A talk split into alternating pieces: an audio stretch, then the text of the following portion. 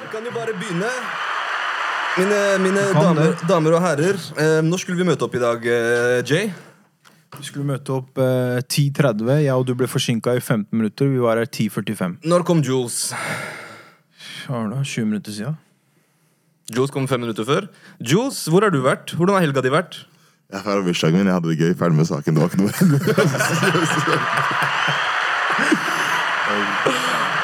Du hørte ikke stemmen hans? Jeg, jeg ringte han. Jeg ringte han klokka, fra klokka halv ti til klokka halv, nei, halv elleve til halv tolv. Klokka halv tolv han ringer meg tilbake. Hallo. Hva skjer? Er? Dave Chappelle på telefonen. "Man, det er crack, man. Han rista, bror. Kommer inn av nervevrak i heisen. Hæ? Levd livet. Bror, Hvor er lua di? Hvor er sokken min? Hvor er? Where are Lua mi er her, da. Fy faen, ass. Se, siden Vent, nei. Siden navn, kasta den der, hvor er lua di? Her, spis. Her er lua mi. Takk for meg. Oh, Ferdig. shit! her er lua mi. Takk for meg. Der- Rett ut av vaskemaskinen, ja. Det er lua mi. Den der er rett ut av vaskemaskinen. Oh.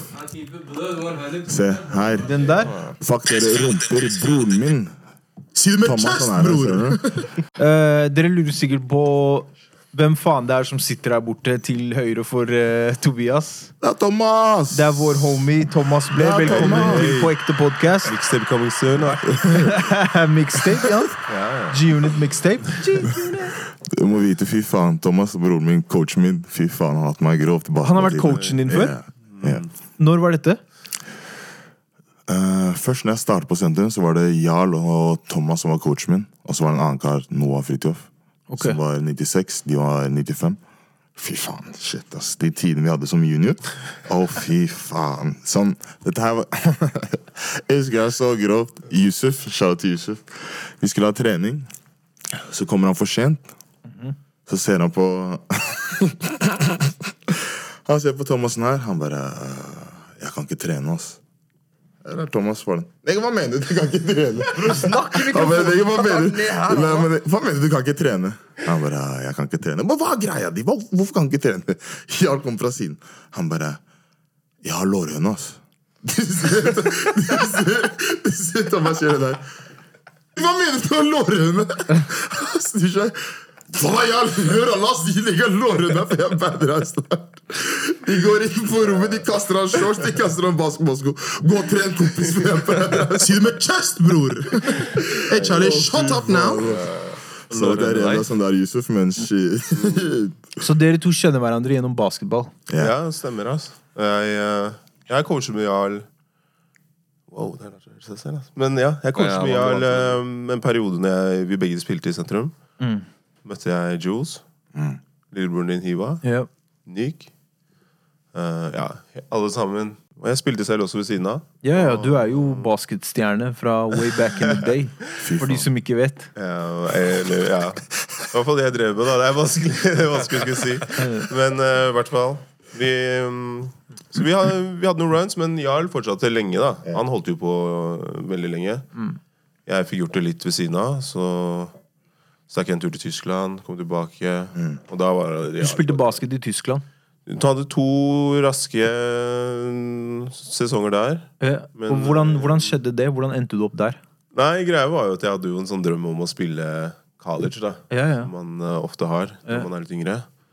Og så ble det aldri noe av da. Jeg hadde liksom noen som skulle hjelpe meg, da, men ja, nok om det. Um, det endte i hvert fall opp med at jeg dro Jeg begynte å gå på nettet selv og se etter camper og ting, og hvordan skal jeg komme meg ut, for da var jeg determined. Nå skal jeg ut.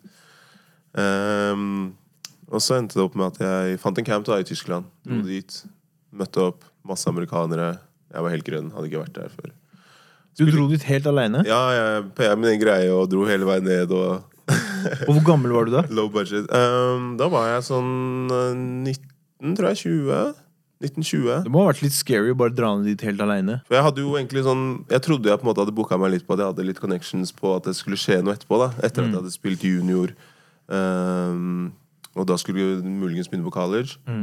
Um, og så la jeg steinen i feil kurv, virket det som. ass, For det ble aldri noe av. da Så jeg uh, var determined, som sagt. da Så jeg begynte sånn å søke opp på ting. da Så uh, hvor er det jeg camper, og nå skal jeg ut hit. da Skal jeg i hvert fall prøve å vise meg fram en gang. da Så jeg dro dit, spilte. Da var det sånn du bare ble matcha opp. Satte forskjellige lag. Spilte kamper. Alle var gira på å få seg en kontrakt. Så det var liksom ikke så mye sentring. Men siste kampen så gjorde jeg det greit. Og så fikk jeg kon litt connection med han som var assistenttrener på det laget. Assistenttrener, Han var bare en trener som var satt opp til å ta vare på det laget. da den campen. Så s- Jeg skulle gå ut døra, så ropte han på meg og sa Hei, du har ikke lyst til å spille i Tyskland. da?» Jeg bare, jo. Og så tenkte jeg ikke på det, divisjon eller noe. Jeg bare var gira på å spille. Så jeg tok imot, og så dro jeg ned. Ja, men det er så mange som, eh, i hvert fall flere av oss som sitter i rommet her, som kjenner hverandre via basketmiljøet. Det er morsomt. Det er så mange som tror at liksom, basket det er ikke så stort, og i Norge er ingen som bryr seg om det, men vi er så mange mennesker som kjenner hverandre gjennom den sporten. Veldig mange. Som liksom har utvikla vennskap og forhold til hverandre gjennom det. da. Ja, det det er sånn jeg ble kjent med han. Mann. Gjennom basketball. Da vi begge to hadde hår. Shit, afro. Fy faen, altså. Det var gode tider, det der. Altså. Back in the Shit. day, ja. Med, med juice med cornrows. Fy faen. Med cornrows, eller? Det der er så Det her må jeg se, ass. Tobias, Tobias, Vi har bilder. Q. Ja. Hey! Der er det. Oh, det der var grovt, ass. Herregud. Jeg trodde jeg var AM med de cornrowsene der. Fy faen. Ja, ja. Men eh, mye spennende som har skjedd eh, i det siste. Josie har jo vært uh, bretta dag etter dag. Han har hatt bursdag og kost seg veldig. Men like Jules. Men, like Jules, Big man. men det er mye annet som har skjedd også. Jeg tenkte mer current situations. Um, vi skulle snakke litt om uh, Ikke sånn current situations. Hva jeg skal skyte Jeg vet det, jeg prøver å gå videre til noe annet, mann. Jeg prøver å gå vekk. De her prøver å holde deg der. Jeg, jeg, jeg prøver aldri å holde deg, Jules. Free, do you, boo-boo. I forhold til current situations, det har skjedd uh, ganske mye i musikk, uh, musikkverden. Vi snakka jo ikke så, for så altfor lenge siden om det her Tory Lanes og Megan Thee Stallion-situasjonen. Uh, Tory Lanes kom ut med et album som jeg ikke husker navnet på, fordi, for å være helt ærlig, jeg brydde meg ikke så mye om det, og det var veldig weird timing å komme med et album nå, men han kom ut med et album hvor han basically Han skrev en tweet først hvor han sa i natt klokka 9 PM Eastern Time eller whatever skal jeg adresse alt sammen. Beklager for at jeg har vært silent. Nå kommer det et album.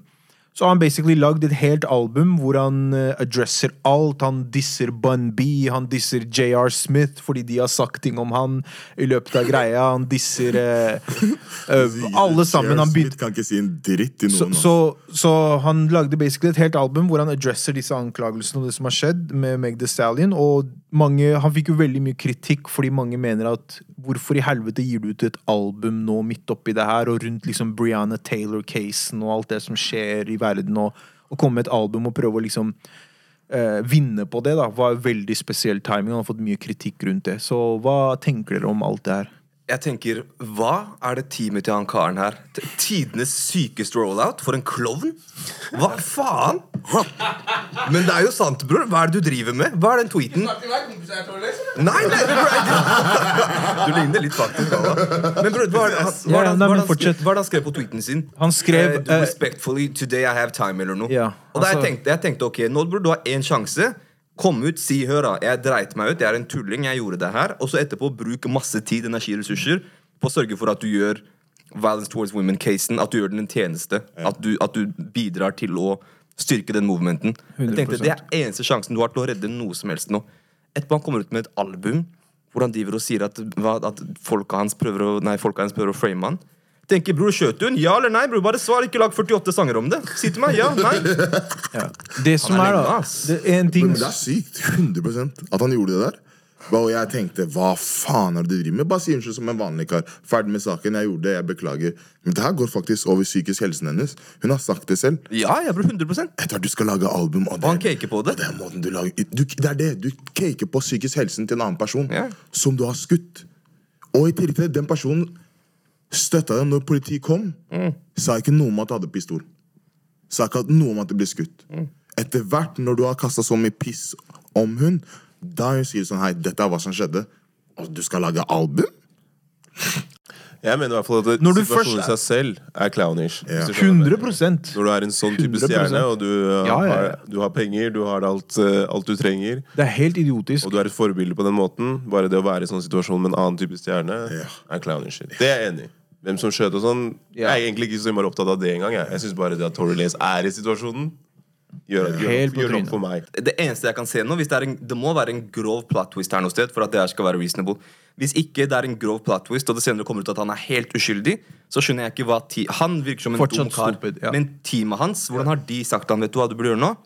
Gå Gi ut et album. Ja, det er helt på trynet. Hva er det de tenker på? De har ansatt for å hjelpe karrieren hans. Det er jo suicide der. Jeg steppa litt bort fra hiphop, for helt ærlig, for å dra den helt ut. Men jeg steppa litt bort fra hiphop. ass. Hva er det du hører på nå? Nå er det mye Hva mener du sånn nå i det siste? Egentlig de siste årene. Jeg husker jeg hørte mye på hiphop når det var sånn en baskperiode. Litt sånn, ja, mye Det var, det var egentlig tar du tilbake til den Drake-greia. Fordi etter at dere hadde en prat om den Drake-greia, så begynte jeg å tenke selv sånn Hei, jeg er egentlig en Drake-fan, eller liker jeg egentlig Drake? Hvis du skjønner hva jeg mener. Hva For jeg har hørt ble ekstremt mye på Drake. Det jeg kom fram til, er at det er tre album som har hatt stor del i visse deler av livet mitt, hvis du skjønner hva jeg mener. Ja. Som jeg tydeligvis har hatt eh, Som jeg har hørt på i bilen på vei til trening. Det har liksom vært forskjellige ting. ikke sant? Så jeg har et visst personlig Jeg har en litt sånn visst personlig forhold til Drakes musikk. Men jeg er ikke en kar som eh, sitter og venter på hans neste utgivelse. Hvis Men Hva mente du når du sa at du hører ikke så mye på hiphop lenger? Har du, du har bare det blitt går lei litt på av disse det? tingene Liksom? her. Hvis du skjønner hva jeg mener. at Ja, det er mye ser- bullshit. Det er mye bullshit. Og når jeg var yngre, så så jeg liksom litt opp til også person. Hvis du skjønner hva jeg mener. Ja, ja, ja. Ja. Android 3000, hvis du skjønner hva jeg mener. At man liksom hadde en sånn wow. Han karen her gjør det på en helt annen type måte. Han har en type selvtillit. Han sier visse typer ting. Men det er liksom dette med Rick Ross òg. Den høen og liksom eh, basa på hele pakka. Og så var han en correctional officer, eller liksom Jeg bare hører sånne type ting. Ja. Skjønner du? Du vet, Ja. det, Derfor er J. Cole er den jeg ville hørt på hvis det er en jeg skulle hørt på. Så er det her du sier nå, er jævlig interessant, i hvert fall for meg. Fordi nå snakker du mitt språk, og jeg merker at nå er jeg og du er mer nærmere fra samme generasjon. Herlig, bror. Fordi det, det der tror jeg faller på Det er i hvert fall det jeg tror. Tobias sånn han la meg ærlig opp Jeg kan si shit, you are old people, men I'm gonna leave it be. Bare fordi jeg er bald, jeg skal være old? Hold kjeft, bror. Er du ferdig? Kan jeg fortsette med seriøs samtale her? Jeg rocker en galt! Hva er det han fikk i seg i går? Jeg skjønner er litt full fortsatt. Ja, det er det, noe ass. dritings ennå, mann. Er du ferdig? Jeg drikker ikke, mamma. Jeg, jeg gjør ikke sånn. Jeg drikker bare vann. Mammaen din vet den dagen du kom hjem og pissa altså? over alle veggene når du, når du var dritings. Du har fortalt historien. Mammaen din vet du drikker. Den dagen du kom hjem og pissa over hele doen. You come in here, piss in, piss on, hva var det du sa? Piss on my toilet. Be on meg, Tolle. Det- Hun vet, mann. Du har fortalt historien før, så moren din ikke vet du er dritings. Du kom hjem dritings den dagen. Den episoden bare kom ikke ut. Han fortalte den må- nå du må sykeste fortelle historien. historien, bro. Nå må han fortelle den. Jeg skal la han si greia si først, og så kan jeg fortelle. Kan vi ta alt det der til slutt? Kan vi prøve? Vi hadde en genius opportunity nå til å gå over til oppvekstdelen. Det var perfect Segway, så kommer du og ødelegger hele greia. Kan jeg gå nå? Er du punkt? Ok, vi prøver på nytt. I forhold til det du sa, Thomas, med uh, din generasjon, og, og det er jævlig interessant, fordi det vi hadde lyst til å snakke litt om i dag, var jo liksom det her med oppvekst, og hvilken opplevelse man har hatt eh, i oppveksten, og at selv om vi er eh, vi har minoritetsbakgrunn, alle som sitter rundt bordet her, så, og kanskje noen av oss er fra samme nabolag nesten, og andre kanskje ikke er det, så er fortsatt experiencen vår helt annerledes. Sånn, Hallo, hallo. jeg har vokst opp på Furuset. Tobias har vokst opp på um, Furuset slash Haugenstua. Uh, Jules har vokst opp på Majorstua. Og du er vokst opp på Tåsen, ass. Tåsen Represent. Tåsen-gutt. Og det er bare interessant at det sant? Selv om vi snakka om i stad at vi har mange felles venner og vi kjenner hverandre gjennom basketen, at vi har vært gjennom samme miljø, men vi har fortsatt en separat experience vekk fra det igjen. Og en unik eh, opplevelse da, i oppveksten. Så kan du ikke si litt om det, om hvordan din oppvekst var på Tåsen? da? Og hvordan det har formet deg? Uh, oppveksten på Tåsen var veldig bra. Det var noe som jeg husker også moren min var veldig opptatt av. da At jeg skulle være oppvokst der hvor hun også var oppvokst. Så jeg har veldig mange nære venner, eh, barndomsvenner som gikk fra barnehagen helt opp til ungdomsskolen, nesten. Eh, jeg eh, var egentlig gjennom basketen da Når jeg sluttet å spille fotball på Lyn. Ja, du har spilt fotball før òg, Ja, ja? ja, ja, jeg var høyre midtbane, Lyn.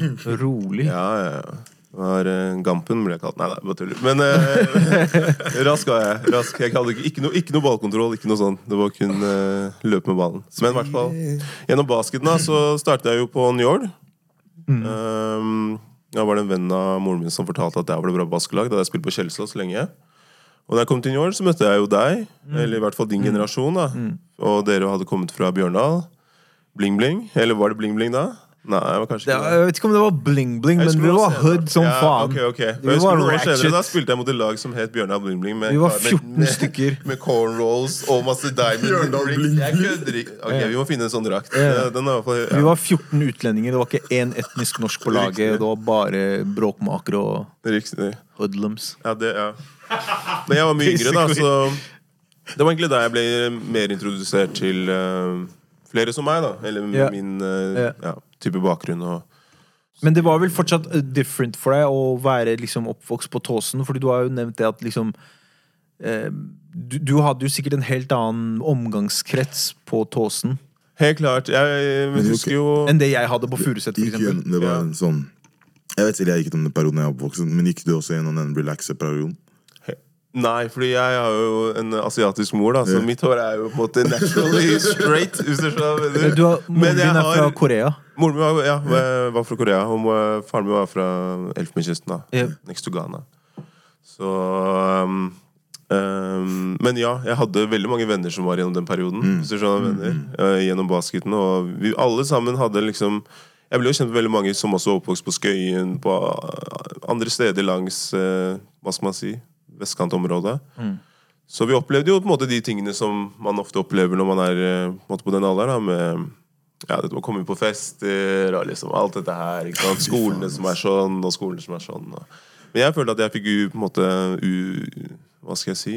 At jeg fikk uh, Du hadde jo mange etnisk norske venner. Mange, ja, alle i mine- forhold til oss andre. Alle mine boys er, fra, fortsatt eh, er jo etnisk norske. Og fra, alle fra forskjellige bakgrunner, men ganske sånn etablerte her i Norge. Um, og jeg tror liksom at jeg fikk utfordret og utforsket mer av meg selv ved å være gjennom, gjennom basketen. Da. Og det tok veldig mye av min tid og min oppmerksomhet i en viss periode av livet. I hvert fall fram opp til ja, 20-årene. Um, og spesielt når jeg da byttet fra en uh, Njord, da, som lå på Smestad, og over til uh, Ammerud, Apeløkka. Og der møtte jeg jo Aman. Der møtte du Aman. Storebroren, husker jeg. Første kampen jeg spilte mot Diaz. Det var, ja, det var vilt. Nei, du må fortelle de andre historiene. For Men, når du så du- jeg dør. Fy du begynte faen, ass, spille- Det var grovt. Du begynte å spille på Ammerud etter at du spilte på Njord. Og hvordan var den overgangen fra Njord til Ammerud? Jeg husker bare første treningen. Det er jo to helt forskjellige Ja, deler av byen. Også, ja, det var to helt forskjellige deler av byen, og så var det et eller annet med det der med at vi Eller den eldre generasjonen som kom til Smestad, det blir litt annerledes enn at når jeg kom til Apeløkka. Hvis du skjønner Ja. hva jeg mener da På Hvor gammel var du på det tidspunktet her? Jeg tror jeg var sånn 15. Riktig. Men hva mente du med det med generasjonen du sa? At Ja, sykt, Nei, det var bare det at jeg, jeg, jeg la også veldig merke til at både du og Eller eh, de andre fra Holmlia som kom Vi kom på en måte til Smestad. Ikke sant? Vi dro dit for å trene, og så dro vi derifra. I Apeløkka der følte jeg generasjoner var på en måte Ja, det var segmentert fra banen til hvor enn du gikk på Apeløkka. Så er liksom Alle blokkene på Apeløkka har jo Mange generasjoner har på en måte gått igjennom systemet der med basket, og det er naturlig i forhold til Apeløkka og den situasjonen. det er en kultur. der, Ja, og det var en annen type sånn atmosfære på en måte da Når jeg begynte å spille der oppe. Men jeg husker bare at det første treninga Da hadde vi egentlig spilt mot Ammerud et par ganger. Og jeg hadde begynt å liksom se at de hadde et veldig godt juniorlag. Og de hadde en veldig satsing på yngre. Så jeg ble også kjent da med broren til Amanuel og litt sånn forskjellig, og så kom jeg meg opp der. Men første treningen, da var det fetteren til eh, Amanuel som var trener, da. Og han hadde alle gutta der. Og så husker jeg første drillen. Han hadde sett meg da være på Njord, og de var liksom rivaler. Njord og Ammerud var jo rivaler på den tiden. Ja, ja, ja. Det var full kjør når de Vi hadde og hata var- dere. Ja, Vi hata dere. det var eh, ja, 100%. skikkelig stemningsfylte kamper, husker jeg. Jeg satt ofte på tribunen der og bare wow, gutta jeg kan spille, liksom. Men så var det han som var trener, og jeg så opp til han. ikke sant? Jeg var sånn der, ja, her er jeg, liksom. Jeg er klar for å spille basket med dere, liksom. Da. Og han var bare sånn der, hei gutta. Han hadde sånn Harold med dem først, når jeg sto der og skifta og sånn. Han var ok. Ja, ok, første drill. Da var det en sånn rebound-drill. Jeg vet ikke om du har gjort det. Ja, ja. Animal heter det. Når du kaster den på plata, Ja, ja. og så må du ta den i lufta. Treneren skyter. Nei. Nei. Når alle står i tre sekunder og slåss. Ja.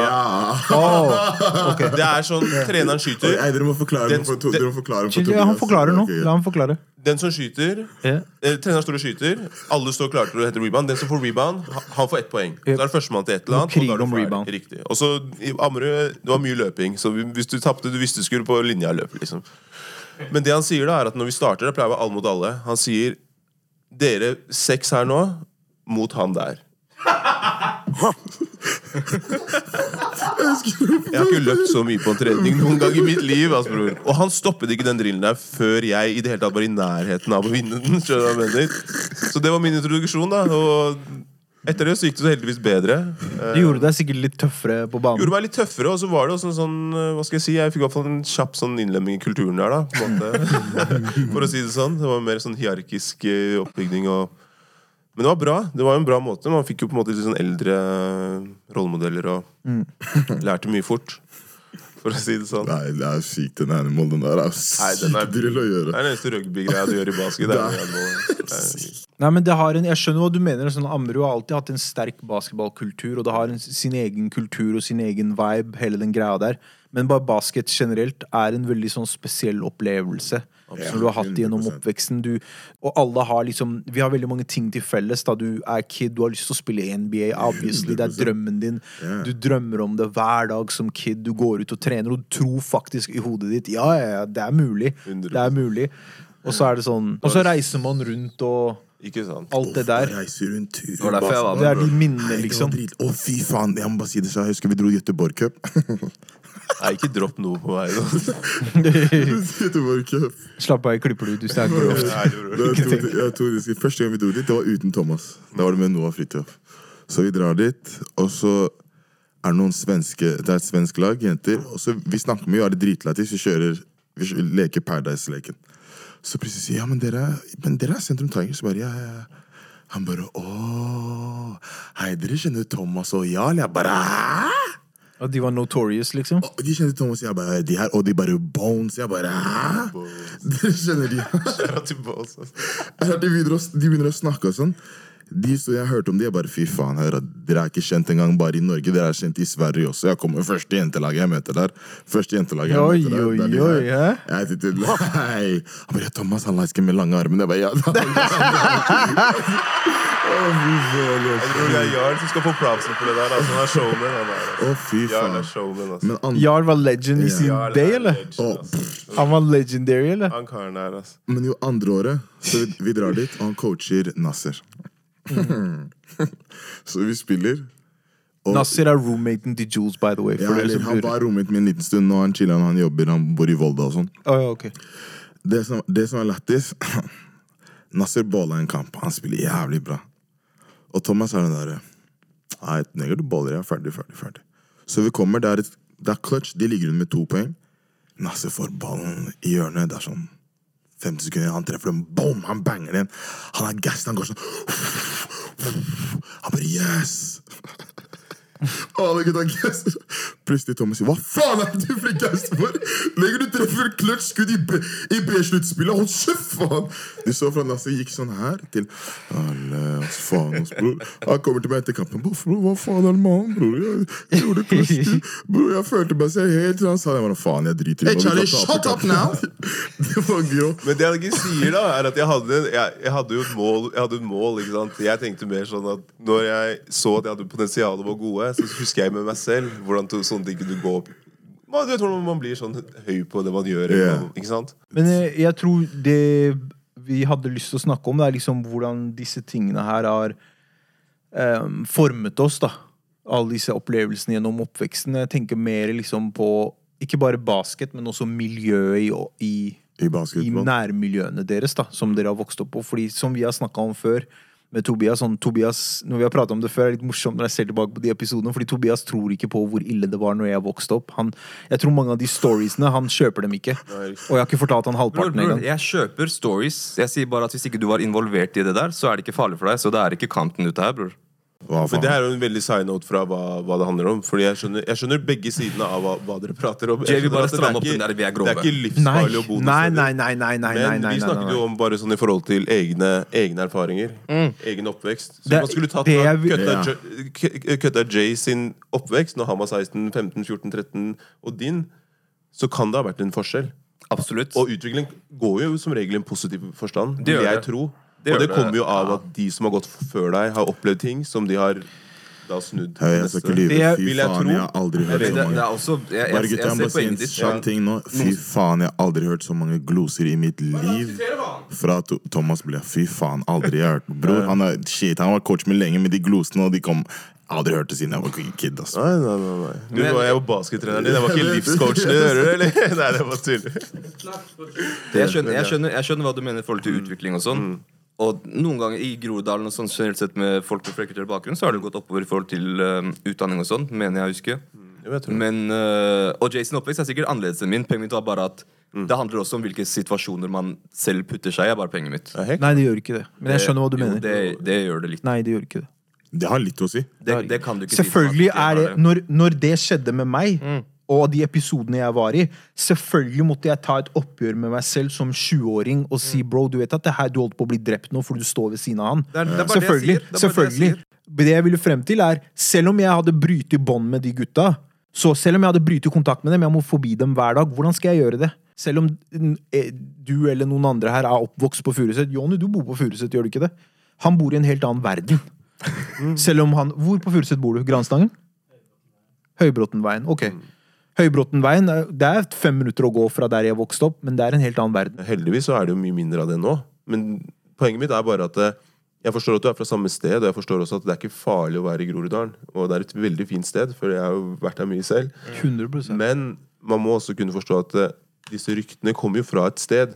Ikke sant? Og Det det kommer de. fra situasjoner, og folk har blitt eh, påvirket det er faktisk ikke disse rykter, det er dokumentert. Nei, nei, men, jo, men jeg mener bare sånn i forhold til ehm, rykter nå, da. Ikke sant? Rykter om at jeg ikke kan være, på Furuset, du kan ikke dra dit, kan ikke dra dit i Oslo. Som er rykter nå. Men jeg sier bare at det kommer jo fra et sted. Yep. ikke sant? Og man må også forstå, respektere og forstå at folk har vært i disse situasjonene, og det har påvirket venner av seg, øh, som man nå ser. ikke sant? Når du nå blir 30 eller 35, så vil du se mange av dine venner som faller av på et eller annet tidspunkt som du aldri ville sett for deg.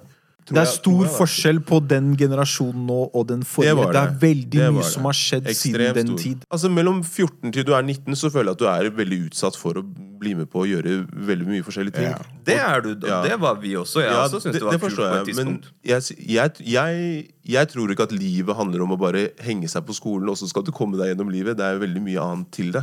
Ja. Absolutt. Du må, ha, du må ha noen som er glad i deg, du må ha en gruppe du føler en tilhørighet til. Du, det, det er mye There sånne ting som, drar, som drar deg mot forskjellige Ikke sant? Fordi Du starter ikke bare på håndball og begynner å henge med Ola fordi at du skal komme deg til 40. Det er ingen som tenker sånn. Nei, ikke det hele tatt. Er det er- interesser, det er, ikke sant? Og det er det at, du må ha et samhold.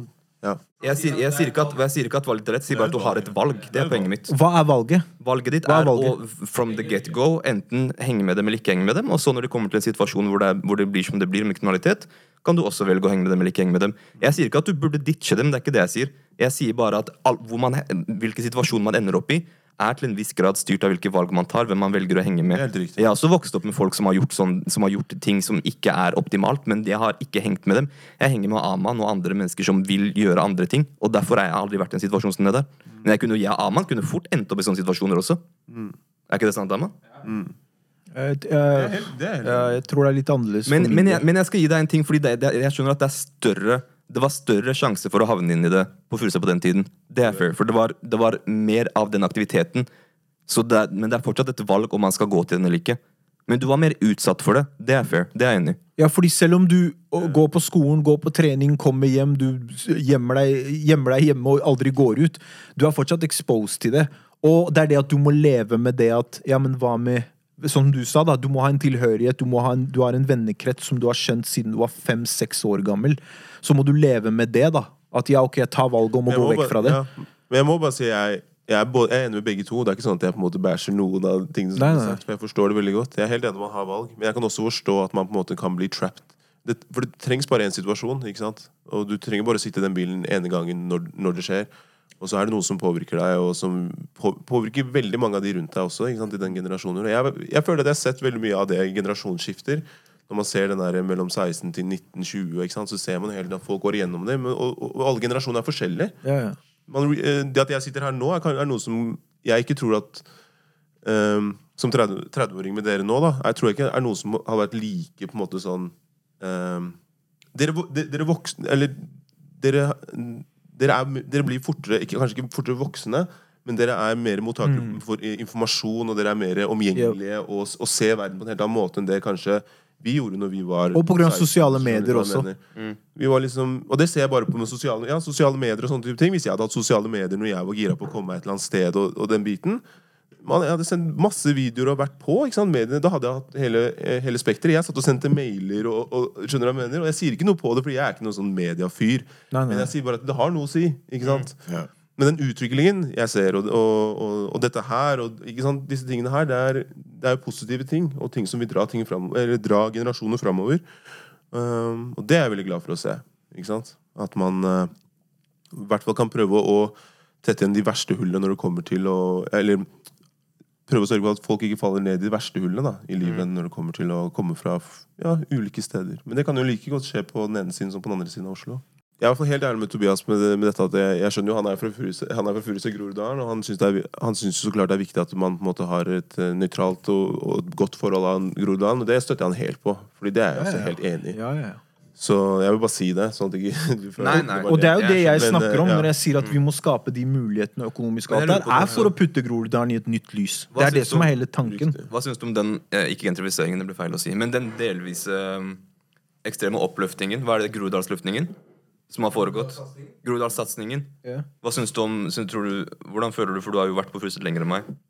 Føler du det har hatt en positiv eh, påvirkning? Sånn som det med at de pusset opp alle borettslagene på Furuset. De Ja, ser ja, absolutt. Sånn. Absolutt. Utearealene og alt sånt Ja, der. den nye skolen og Ja. Furusetparken og alt det der. Det er liksom, ja, ja, det er kjempebra. Ja. Det er dritbra. Men du som da er hakket yngre generasjon da, fra Furuset, hvordan, hvordan på en måte har du følt at det er verdt å vokse opp der som Tobias? da? Tenker, jeg, nå bare spør jeg, for nå ble jeg nysgjerrig. Ja. Um, det som er, jeg har vokst opp litt unna Jamshid. Jeg har vokst opp mellom Haugenstua og Furuset. Som er opp bakken basically fra den skolen han gikk på. Um, Og bare det utgjør en liten forskjell. Det er men, veldig igjen, spesielt. men igjen, jeg hang Jo, jo jo, gjør det. det, det Det er gjør det absolutt. Men jeg hang jo samtidig med lillebroren din Ja, ja. og Hiwa nok en gang. På Jeg spilte jo basket på Furuset. Og det er jo um, Sånn som Haugen skole, det var like mange av Eller mange av de som gikk på den skolen også. Jo da, jo da. Ja. Um, men alt i alt Groruddalen, selvfølgelig burde ikke misforstå. Det, er- det, er jo, det skjer jo ting der når det er såpass mange mennesker. Men jeg har sagt det mange ganger, jeg er så takknemlig for at jeg vokste opp i Groruddalen. Fordi det er ja, ingen andre steder jeg føler at du lærer Eller at du får den oppdragelsen hvor du dømmer mennesker kun basert på handlinger og ikke sosioøkonomisk status. Ja. Mm. Det får du ikke i Groruddalen. Fordi folk er fra hele verden. Det har ikke noe å si hvor mye de tjener. Det eneste som avgjør hvem du er, er hvordan du oppfører deg. Og det er en luxury jeg ikke innså at vi hadde før jeg begynte for eksempel Oslo Handelsgym. Ja, jeg så hvor viktig alt annet enn hva du gjorde, var. Kun hva du hadde på deg, men hva etternavnet ditt var.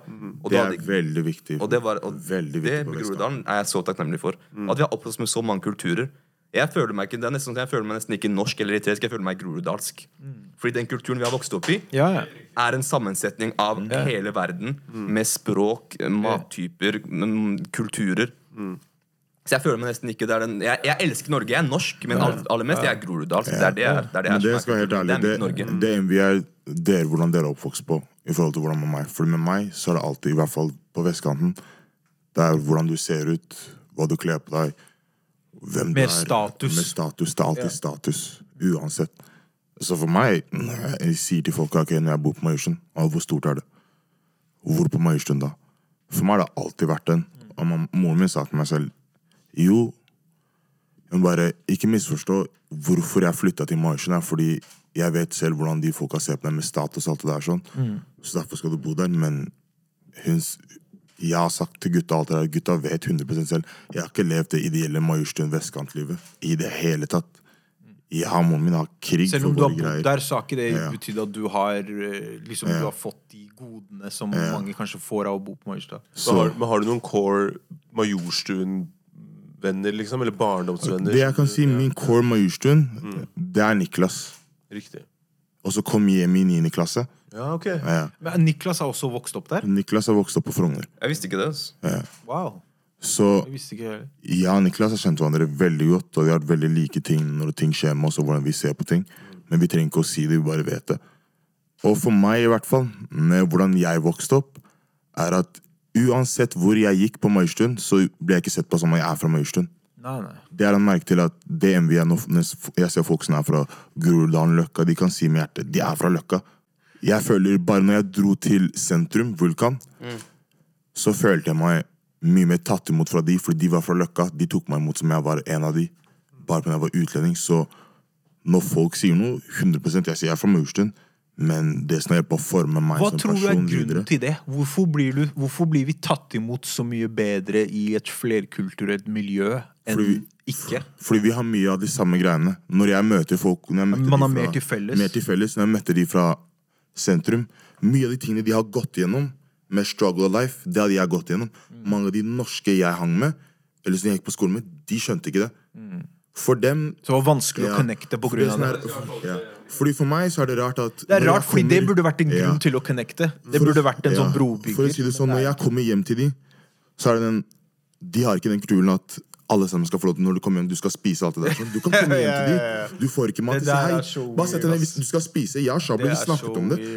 Det er sykt! Det der er en sånn meme, mann. Det, der. det er mange som har lagd memes ut av det. der, du skal spise. Ja, naka er det ikke. Er det- Det der er- Vi snakket om, vi lo, men det var en Når du var i den situasjonen det var en viss Du må, du må gå inn på rommet nå, vi skal Ja. spise. Jeg sitter der sier kompis Fikk du den mye på tåsen, eller var det Nei, det må jeg, det må jeg litt drømme. jeg? Jeg ikke den. Jeg kan sitte der, jeg vet selv Mamma har ikke nok penger til at vi akkurat nå skal spise godt. Men når du kommer på besøk hos meg Vi fikser platen vår som det ser ut som det er nok. Akkurat Shablo sa akkurat det samme. Ja, han visste selv jeg krigde, men mutter'n fiksa oss. Ja, ja, ja. Så nå du skal komme nå og plutselig skal si til meg du skal ikke spise Jeg, skulle, jeg skal si shout til showet, for han fant en grov hack. Han sa til meg bare Å ja, så dere skal gjøre sånn? Til slutt, han vet hva. Han gikk til moren. Han gikk til foreldrene bare Ja, hva er det dere skal lage? De får den. Ah, hva er det, vi skal lage? Ja, hva er det vi skal, hva er det vi skal spise? Jeg Jeg kan se Jonas gjøre det. Han sitter der Ja, når han, når han var hjemme hos de. Så du Ok. okay. hvordan de kan gjøre sånn. Og hva svarte de da? Gjøre og så- Og de får den der Olle, så bare Nei, nei, det er meg, fy faen! Jeg, sånn han sa til meg, bare sånn I hodet mitt, det er meg! Jeg sitter på middagsbordet. Du skal sitte, kompis! Jeg spiser desserten, maten. Yes, spis, chiller'n, jeg koser meg. Det er bare en greie som jeg la merke til når jeg kom til den kulturen jeg møtte gutta. Det er ikke sånn. Nei, jeg. Det er bare sånne små ting som det. Jeg sitter sånn, her, jeg fucker faktisk med de. Mange av de folka fra Majorstuen, når jeg ser de, jeg er hyggelig. Men jeg fucker ikke med de sånn. Ja, ja, ja.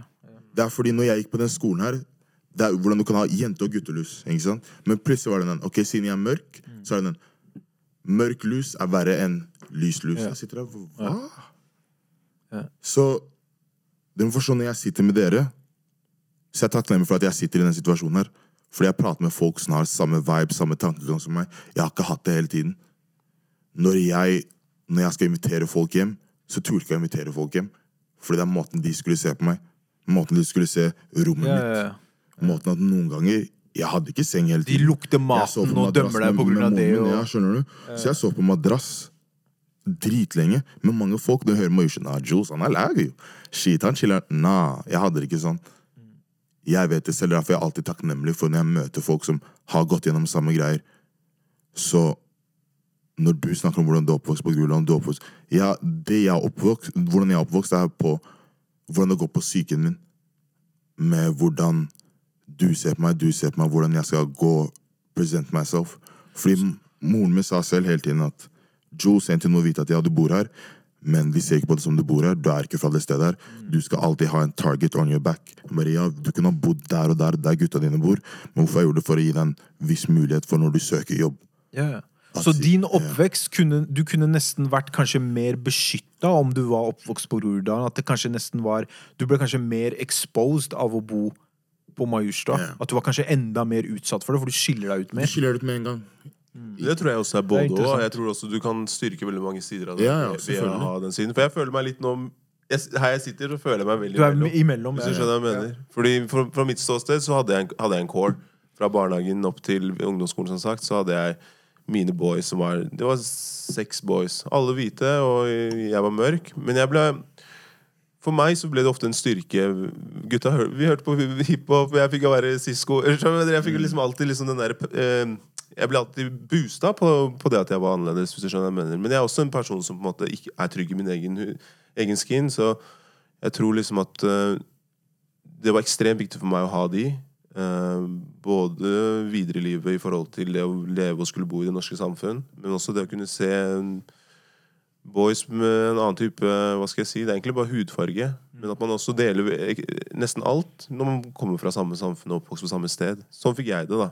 Føler du at du var med på å Eller at du kanskje hadde en påvirkning på de etniske nordmenn der borte? At du påvirket dem på en positiv måte? At hvis de kanskje hadde en del fordommer da mot mennesker som så ut som deg, at du kanskje påvirket det positivt? Jeg skal være helt ærlig. Jeg, jeg, jeg føler absolutt at jeg har vært heldig. Jeg har vært ekstremt heldig med de vennene jeg har, er oppvokst med. Okay. De er ressurssterke og flotte mennesker alle sammen, og de alle har bare, det har aldri vært et tema på den type måten.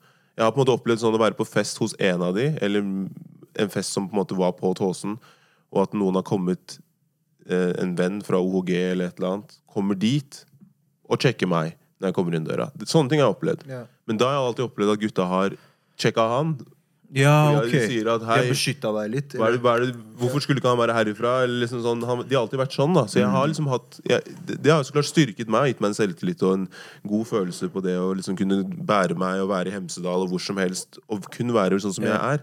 Ja. Ehm, men, jeg, men en ting jeg kan si, er at det der med I hvert fall den perioden som vi snakket om litt i stad, når man er liksom, begynner å bli 14-15-16 og skal begynne å feste litt og møte litt damer og liksom den stilen der, prøve, prøve å komme seg på byen og sånn, så må jeg ærlig innrømme at det var veldig greit å Da var jeg predominantly med mennesker fra basketen. Ikke sant? Gjennom Njord, gjennom Ammerud. Og, og da var jeg på en måte med på den, den siden. For da var de gutta på en sånn vibe hvor det var sånn hjemmefest og Lindberg-belte og dyre. Ikke sant? De var litt på den, men vi hadde fortsatt connection, for vi bodde jo på samme sted. Så jeg jojoa litt frem og tilbake. Um, um, men jeg kan kjenne meg veldig godt igjen i begge, begge sider. da.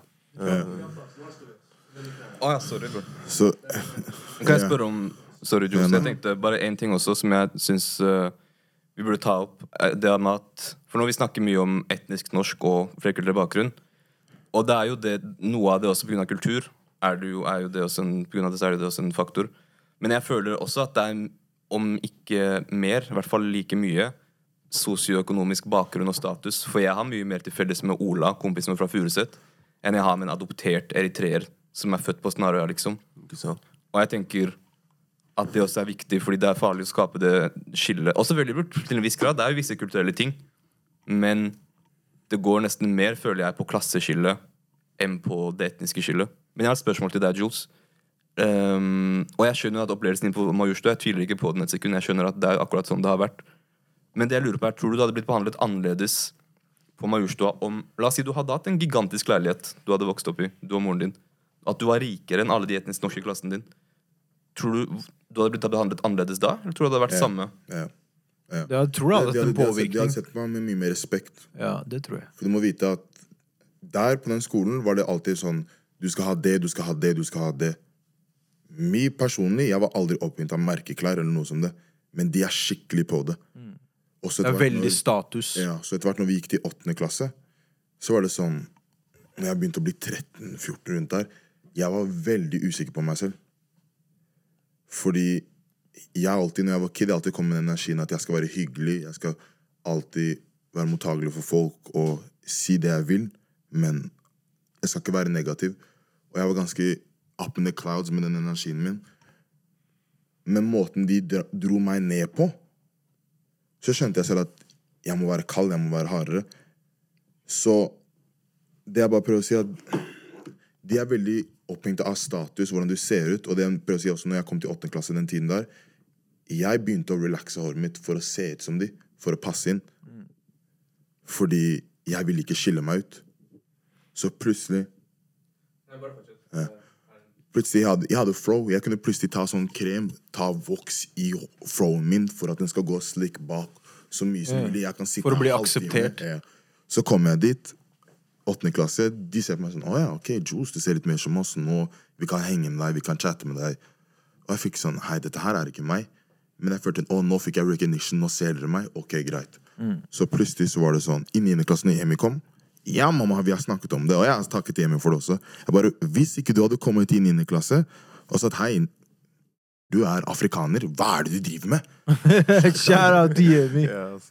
Da så var det sånn Alle, ok, greit. Ja, ferdig.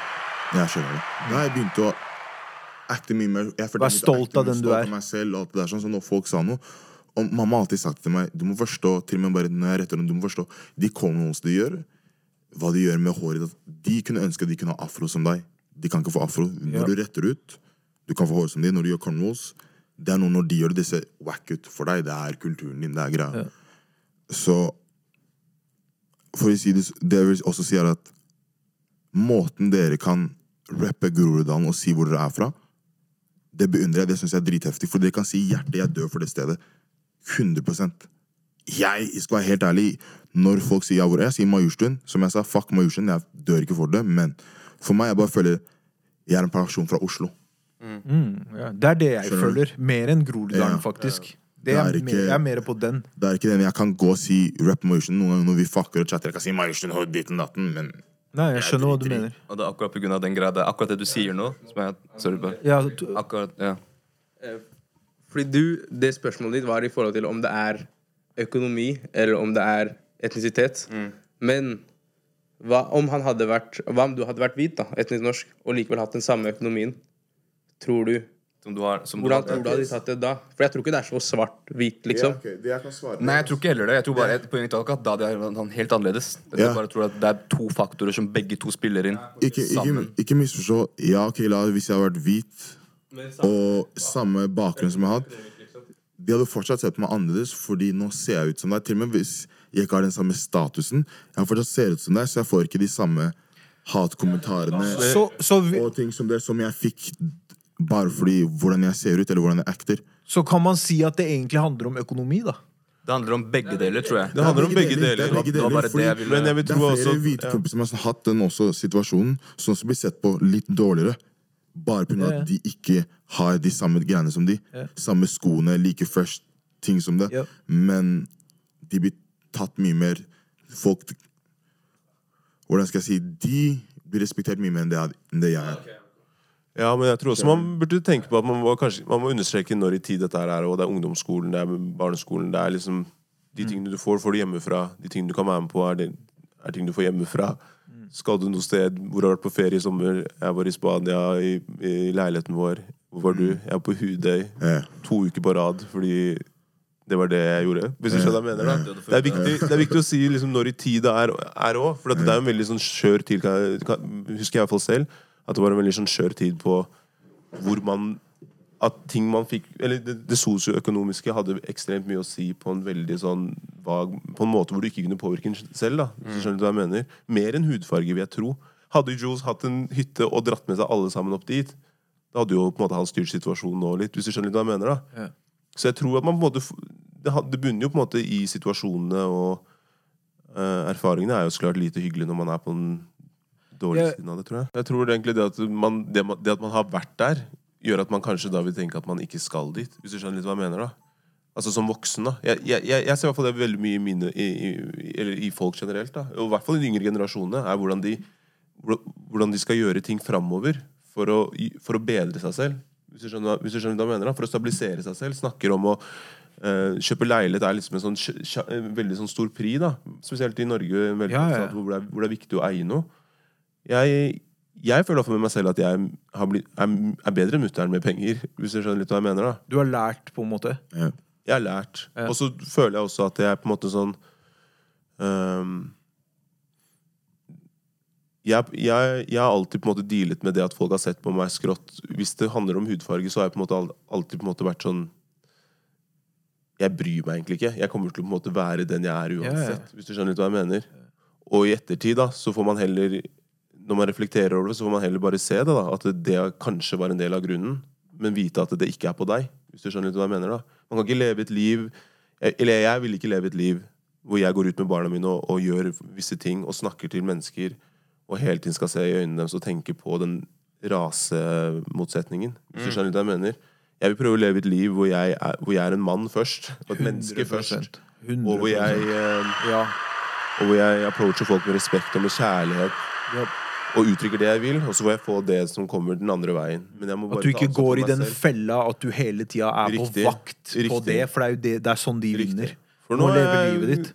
Gud har velsignet meg med mulatte dame, så vi, vi pusher generasjonen vår framover. Jeg tror det også er ting som kommer til å skje framover. Ikke for å dra noe når vi, går, når vi går rundt ute og alt sånn, jeg føler meg hjemme. Eller jeg skal føle meg hjemme, for det er her jeg bor. Det er her jeg betaler skatt. Det er her jeg jobber.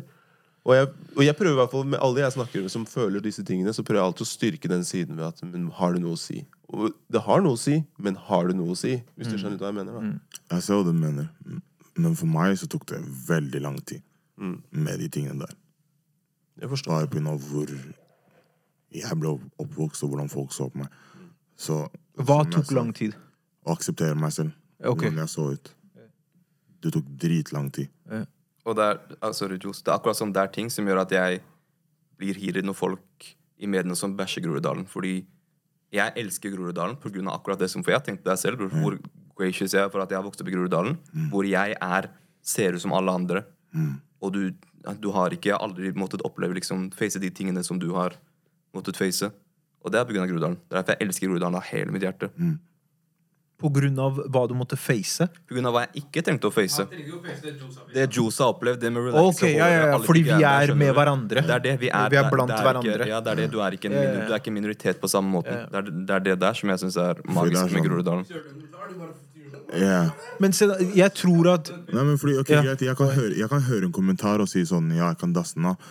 Men det er som jeg har sagt, som jeg har sagt til moren min og sagt til flere folk, at ja, okay, at jeg kan være så sterk, men til slutt så kommer det en dent. Du kan stå der, du yeah. kan gå sånn, sånn, sånn flere Og du skulle ikke trenge å være så sterk heller. Ja. Og jeg skal gå gjennom det siden jeg går i første klasse. Og så etter hvert så skal jeg plutselig gå hjem til noen moren min, så tenker jeg safe på skolen. Og jeg har sagt det før at jeg skal komme hjem, og så skal jeg bli hørt neger, og så skal moren min forklare meg det. Og så nå må jeg sitte med den tanken i hodet mitt med alle de tanker jeg har fra før av. Tenke shit, ok, dette er hva det betyr. De ser på meg sånn. For meg, jeg hadde mye issues med det. Nå så er jeg mye bedre med det. Jeg er rolig med det. Og derfor flere ganger når vi snakker om rasisme eller ting som det, i hvert fall når vi snakket om diskriminering og den episoden, jeg blir veldig fort heated av sånn, for jeg lar følelsene mine styre, fordi de kommer opp. Selvfølgelig gjør du det. Det skulle bare de- mangle. Hva faen? Jeg lar de tankene fra hvordan jeg var før, komme.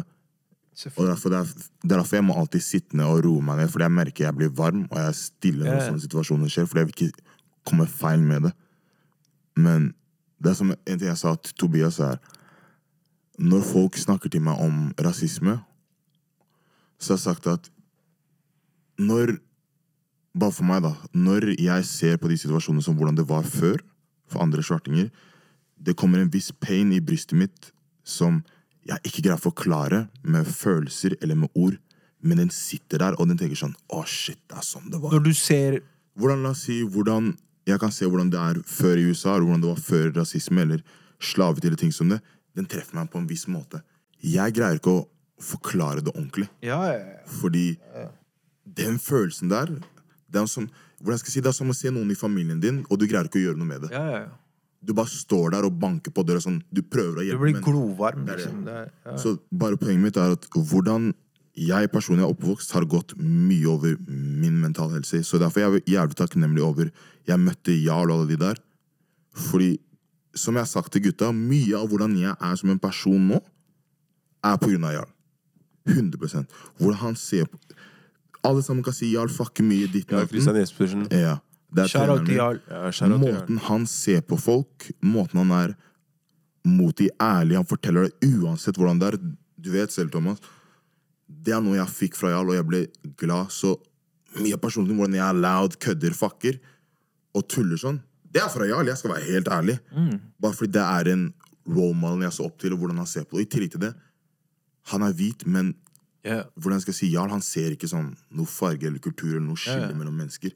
Det er jævlig interessant det at du har hatt så mange opplevelser, negative opplevelser, som kommer fra etniske nordmenn. Men også en av de beste opplevelsene du har hatt, kommer også fra en etnisk nordmann. Som viser at man burde ikke Man burde ikke kjøre liksom Stigmatisere Stigmatisere tilbake fordi at man har blitt stigmatisert. Det fins forskjell på folk, og som Tobias sa, man må dømme folk ut ifra handlingene deres og hva de står for, og ikke skin coloren Og det du sier nå, Helt kommer klart. Hvorfor ikke gå jo på litt fra akkurat den også, at det er sosioøkonomisk status også. Ja. Men jo, det jeg skal si også Hva mener du med det? Sorry. Akkurat det sånn som du sa nå, at det er, fordi det er skille mellom de to gruppene, Jarl og de, er jo den sosioøkonomiske statusen. Det er økonomien som er Ja, skillet ok, så for Jeg skjønner ikke til storyen til Jarl, så jeg skjønte ikke hva du mente. Nei, det var bare det jeg mente. Ja. At da det kommer ikke så mye. Det kommer ikke nødvendigvis etnisitet, men det kommer av økonomi. Ja, men Fortsett, ikke for å gå på en rant, men for å si det sånn, da, er at akkurat like mye som hvordan de norske folk kunne se på. Det er flere ganger når jeg kan gå og møte folk fra Groruddalen, Furuset, Løkka eller hvor som helst, og jeg sier jeg er fra Majorstuen. Jeg får den til meg Å ja, du er han der, ja. Du er Big fra. Majorstuen. Ja, ja. Da er du bedre enn oss. Du? Og der får jeg den derre Yo, vi har samme greie. Ja, ja, ja. Hvorfor skal du se på meg sånn? Ja. Bare for når jeg er fra Majorstuen, og de skal tenke ah, shit, Du kan ha hatt en verre experience på Majorstua enn en som har vært på Groruddalen. sånn Du kan ikke dømme folk sånn. Jeg skal ikke leke sånn, jeg har hatt den verste experience, men det er mange folk jeg ser på, som la oss si er fra de områdene. At du har levd et mye mer privile- privilegert liv enn det jeg har gjort. Yeah. Så ikke lek fordi jeg bodde på Groruddalen, men du hadde et dumt hus, du chiller'n, du slapper av. Men de ser Ja, ja. på meg fra Majorstuen, som 100%. måtte krige med moren min. Og Akkurat de det er tingene vi veldig interessant. Vi spiste, og det vi gjorde. Du skal se på meg som jeg er privilegert. At jeg, at jeg plutselig går ut med Uggs. Men når jeg hører family har to biler, mutter'n må krige med bil. Sist sverger du gikk med Uggs. Nei, jeg gikk aldri med Uggs. Aldri. Takk Gud. Prøvde. Så du skal sitte og se på meg sånn. Jeg får den, ok, greit. Så hvem av oss nå får på putten sånn, hvem av oss nå er den ekte utlendingen, siden det er det du putter det på? For enten du putter på hvor du er fra, eller hva du har gått gjennom. Thomas, skulle du si noe? Ja. Um, ja, jeg, jeg skjønner jo på en måte sånn Eller nå var det jo racial og Eller sånn eh, farge på uh, utseende og i forhold til sosioøkonomi. Men man må også huske at man er jo også på et sted hvor man har muligheten til å møte alle på forskjellige plan òg. Og det syns jeg har vært veldig greit uansett i, i Norge. Og det tror jeg også sånn den balansen mellom Fordi det er, de er opp, oppvokst med, selv om de er hvite, så er det ikke alltid sånn at de hadde bedre råd, eller var fra noen bedre steder. Og det er litt viktig også å vite at man er fra et sted i Norge hvor man møter folk på kryss av både sosioøkonomiske og, og, og, og rase. At man ikke bare at ikke, Det virker som at du bare skiller mellom at det er det Ja, ja. om. Da. Men det var derfor vi ville, vi ville ha denne samtalen, tror jeg. Og det ja. jævlig kult at det her kom frem, at alle share sin perspektiv på det. For jeg tror det er det vi ville frem til. At Mm. selv om vi kanskje ser ut som hverandre, men vi kan ha hatt en helt annen opplevelse og ha sett ting fra forskjellige perspektiv og forskjellige vinkler. Da, Mm. og sett aspekter av Flere aspekter av ting da, som gir deg et helt annet inntrykk og perspektiv av hvordan ting er. Det er ikke så svart-hvitt, sånn som Aman sa. Helt riktig. Uh, og det er det, jeg tror det er kult å diskutere det og få frem det.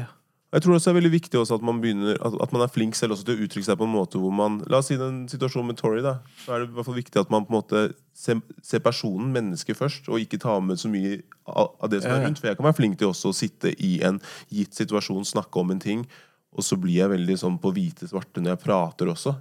Ja. Og det gjør jo noe med samtalen og med måte inntrykket man gir når man prater. Og det man egentlig vil fram til, er jo på en måte, i hvert fall for oss som har kjent på det å være annerledes, og det også å være på utsiden av ting, er jo det at man egentlig bare vil at alle sammen skal se på hverandre som likemenn, på en måte. Og yeah. som mennesker først. Så Men du sa i stad, Mm. før må begynte å snakke nå. Du sa det der med sosioøkonomi. Vi kommer tilbake igjen til det. Mm. Og jeg, jeg vet ikke om jeg klarer å formulere det riktig, men jeg føler det jeg sa i stad, med at det der med entreprenørskap Er, er, ikke det, er vi ikke enige med hverandre her? At det Fordi det, det virker som Dere er ikke helt enige i det, men du sier fortsatt at det handler om sosioøkonomisk Nei, nei, jeg sier ikke at jeg er uenig i det. Det eneste jeg uttrykte uenighet i forrige gang, var bare at da satte du opp det å aktivt eh, bekjempe rasisme. Du satte det opp som motsetning At enten kan man gjøre entreprenørskap, eller så kan man være aktivt Nei, det var var ikke det jeg mente. Nei, det var bare det som var poenget mitt. Ja. At man, at man, det er flere ting man må gjøre. Jeg tror ikke dette, jeg tror ikke entreprenørskap er den eneste utveien. Og entreprenørskap tar tid. Jeg, men jeg er ikke imot at entreprenørskap selvfølgelig kan bidra til økonomisk vekst, men det er ikke den eneste måten man får til økonomisk vekst heller. Hva, hva er andre muligheter? Hvordan kan man gjøre det? Du kan, jo, du kan jo tjene penger og rykke opp i gradene i samfunnet gjennom utdanning, medisin Jo, jo, jo. gjør en god jobb som alle andre. Stelle, ja. Ja, absolutt. Men, Og entreprenørskap men er, fører er, sånn det til sier, entreprenørskap er ikke for alle heller. Så hvis det er den eneste måten, så betyr det at ikke alle kan være med Men vet du, hvorfor, vet du hvorfor jeg mener at det med utdanning og stige opp i rankene, at det ikke er nøkkelen? At mer entreprenørskap er nøkkelen? Fordi det handler om eierskap. Når du ranker opp i et selskap, du eier ikke det selskapet. Du kan ikke enig. putte de rundt deg på. Du kan fair. ikke gi dem en jobb. Du har null påvirkningskraft på den Du, du bygger drømmen til en annen person istedenfor å bygge din egen. Jeg er enig, men entreprenørskap også. Jeg, jeg har ikke noe imot entreprenørskap. Jeg sier bare at det er ikke den eneste løsningen, for det er ikke alle som kan gjøre det. det er ikke, og av de som kan gjøre det, er det ikke alle som får det til. Så det, det kan ikke være den eneste løsningen på, på å bekjempe Men rasisme. er det det er én av delene i et puslespill med veldig mange deler, hvor man får andre holdninger og ser på systemer som allerede er til stede. I tillegg til også at eh, folk med flerkulturell bakgrunn har eierskap. Ikke for å bekjempe rasisme, men er ikke det den eneste veien til økonomisk frihet? Det er det Det er det, det er det, men økonomisk frihet er ikke automatisk det samme som at man blir kvitt fordommer. Nei, det, nei, nei, men det handler ikke om å bli kvitt Jeg tror, men fordommer. det som er, når vi tar opp det, jeg tror vi snakker litt forbi hverandre, Ramsjef. Jeg tror ikke du, jeg tror ikke du skjønner helt hva jeg mener. Jeg tror ikke jeg skjønner helt hva du mener. Nei, jeg tror ikke det heller. Jeg tror ikke det. Men det er jo fakta. Vi, Ja, nei, nei, nei, vi har en parallell Jeg tror samtale er- hver gang. Jeg, yes. Men gutta, vi har tre minutter, for jeg må uh, skedaddle the fuck out of here. Hva da, Gatte? Å, vent da, Skal det skje noe nå? Oh, ja, fy Jeg håper vi uh, fikk delt uh, nok experiences til at det makes sense for de som lytter, og de som ser på. Um, jeg bare tror det var viktig at vi snakka om det her, at hvordan det her har påvirka oss. Liksom, hvordan det her har påvirket Hvordan oppveksten vår har påvirket livet vårt er i dag. Da. Men kan vi bare close med akkurat det før vi avslutter det? Hvordan har dette påvirket dere i dag? Og hva, hvordan ser dere på fremtiden med tanke på det? Når du sier dette, hva mener du da? det her vi har snakket om, hvordan opplevelser dere har hatt i oppveksten, og hvordan har dette shapet dere, og hvordan ser dere fremover med tanke på det? Ja, Ja, I hvert fall for meg personlig så føler jeg ikke noe kan stoppe meg bare pga. det. Ja. De Det har gjort deg sterkere. Det har gjort meg sterkere. Ja. Sånn, Jeg kommer ikke til å være så langt nede med den hvordan jeg var før i hodet mitt. jeg, Du har blitt mer herda, Ja. du har blitt mer Jeg er klar. Du takler ok, du sier noe nå. Jeg vet Ja. selv hvordan dere funker og mover. Du har styrket deg. Så shit, it's done. Ja. jeg er helt enig med Jules. Jeg tror jeg bare har bare, må bare klippe, for jeg må jette. Så bare sikkert du starter, så må jeg gå inn. Tobias er her fortsatt in spirit, ikke tenk på det. Hva var det du skulle si, Thomas? Nei, jeg er enig med Jules. Jeg tror eh, det å vokse opp i Norge med en annen type eh, hudfarge eh, i, mi, I hvert fall i, i min forstand så tror jeg at jeg på en måte har vært veldig sånn klar på at jeg, jeg er på en måte den jeg er, og at uh, yeah. vi alle møter på utfordringer og motsetninger. Men jeg tror absolutt at det bare har gjort meg sterkere. Men det har også gitt meg en følelse av Eller en, en tanke om at uh, jeg bestemmer jeg, hvordan det skal gå med meg, og, og Mm. hva jeg skal ta tak i. Du er ansvarlig for din egen? jeg er ansvarlig for min egen. Andres yeah. meninger og tanker, det får være deres, akkurat som andre har sine ting. Eh, min ting var at jeg hadde en eh, mørkere farge, og jeg tar egentlig det bare som en blessing. hvis du Ja, skjønner hva jeg mener. Men bortsett fra det så ser jeg like lyst på framtiden som ja, den lykkelige mannen i gata. Opp, ja. Mm. Og det er jo, for deg som er eh, tobarnsfar, så er det viktig at du passer det ned til kidsa dine, og de, at du har de verdiene, og at de ser det. Uff, det er grovt hvor mye sønnen hans ligner på han. ass. Det er helt Jeg så bildet av han på storyen din i går, jeg har aldri sett han før, og Ja, så er dere eldstemann. hans. Eldstemann, ja. En Han liten krølltopp, i han. Ja, eller han, ja, han er ganske rett hår, han der, da. Men han andre, han er mørkere. Uff, det er, det er så Ja, Vilman, han yngste, han er vill. Han er. Han er sånn to og et halvt år og ser ut som han er like som en fireåring. Nei. Ja, bare Ja, virkelig, altså. Men eh, det er sånn som du sier, det er ekstremt viktig. Og og, ja. Jeg tror det er viktig. Plattformer som dette her. Mennesker Yeah, som og oss. ha de Og at vi deler, deler eh, den kunnskapen og de erfaringene man har. Ja. Helt til slutt, da. Ville dere gjort noe annerledes? Nei. Når dere ser tilbake på alt det her med oppveksten og opplevelser, ville dere gjort noe annerledes? nei. Nei, ikke i det hele tatt. Jeg Nei. Jeg hadde ikke vært her med dere hvis jeg hadde gjort noe annerledes. Mm. Så jeg er glad for at jeg gikk gjennom det jeg gikk gjennom. Og så vil jeg spørre til vår notoriske kameramann Joni, har du noe du har lyst til å si? Han så helt sjokkert ut akkurat nå. Har du noe du vil chime inn? Har du noe du tanker? Ja, du har jo hatt en veldig spesiell oppvekst. Hvis du har noe Han sier det var litt tøft her og der, men det gikk greit. Challenge Gambino be the best rapping, sant? Shout out til Yes. Childish Gambino. Yes. Ja, gutta. Har du noen final thoughts? Angående ting? Ja, det, er heftig vi, det er heftig vi snakket om det vi fikk det ut. For meg. Ja, ja. Eh, Men utenom det vi snakket om, har du noe annet du vil dele? final thoughts? Shit. Følg oss på Instagram. Da Oh, yeah, there we go. Subscribe, Subscribe på. YouTube. Hei til dere, hvis dere ser på den videoen her nå, Gå ned i kommentarfeltet og legg igjen en jævla kommentar. Jeg er drittlei av alle dere som ser på videoene våre. Så snakk til oss, si noe. Skriv et eller annet. Hei og hå. Altså. Skriv til oss hei, på YouTube. på dere. Dere ser på i hvert fall, kompis. Jo, takk for at dere ser på, men please legg inn en kommentar. gjør hva kommentar. dere vil. Kommentar, det er bare for det spa for oss. Men you know, shit. Ja, jeg koser meg bare at dere ser oss. Heftig. Fy faen. Ja, det er sant. Thomas, takk for at du kom i dag. Takk for at jeg fikk komme. ass. Det var hyggelig å ha deg på besøk. Du må komme tilbake igjen snart. Absolutt. absolutt. Yes. No. By the way, hvem er favorittspilleren din i NBA of all time? Iverson. Allen Iverson. Oh, shit. Allen Iverson over Steph Curry. Det er ikke et spørsmål engang. Hørte du hva han sa? Det er ikke spørsmål engang, kompis! Vær så snill. Du burde ikke snakke om basketball, for du sa du kunne skyte. Kunne Iverson skyte. over Steph Curry. Det er ikke spørsmål engang. Vi er rapper opp der. Det var fint sted. Ferdig, vi rapper opp. End up on that note. Så du han på alle hans Med Steff-skuddet mitt. Ja, ja, ja, han på All the Smoke? Wow,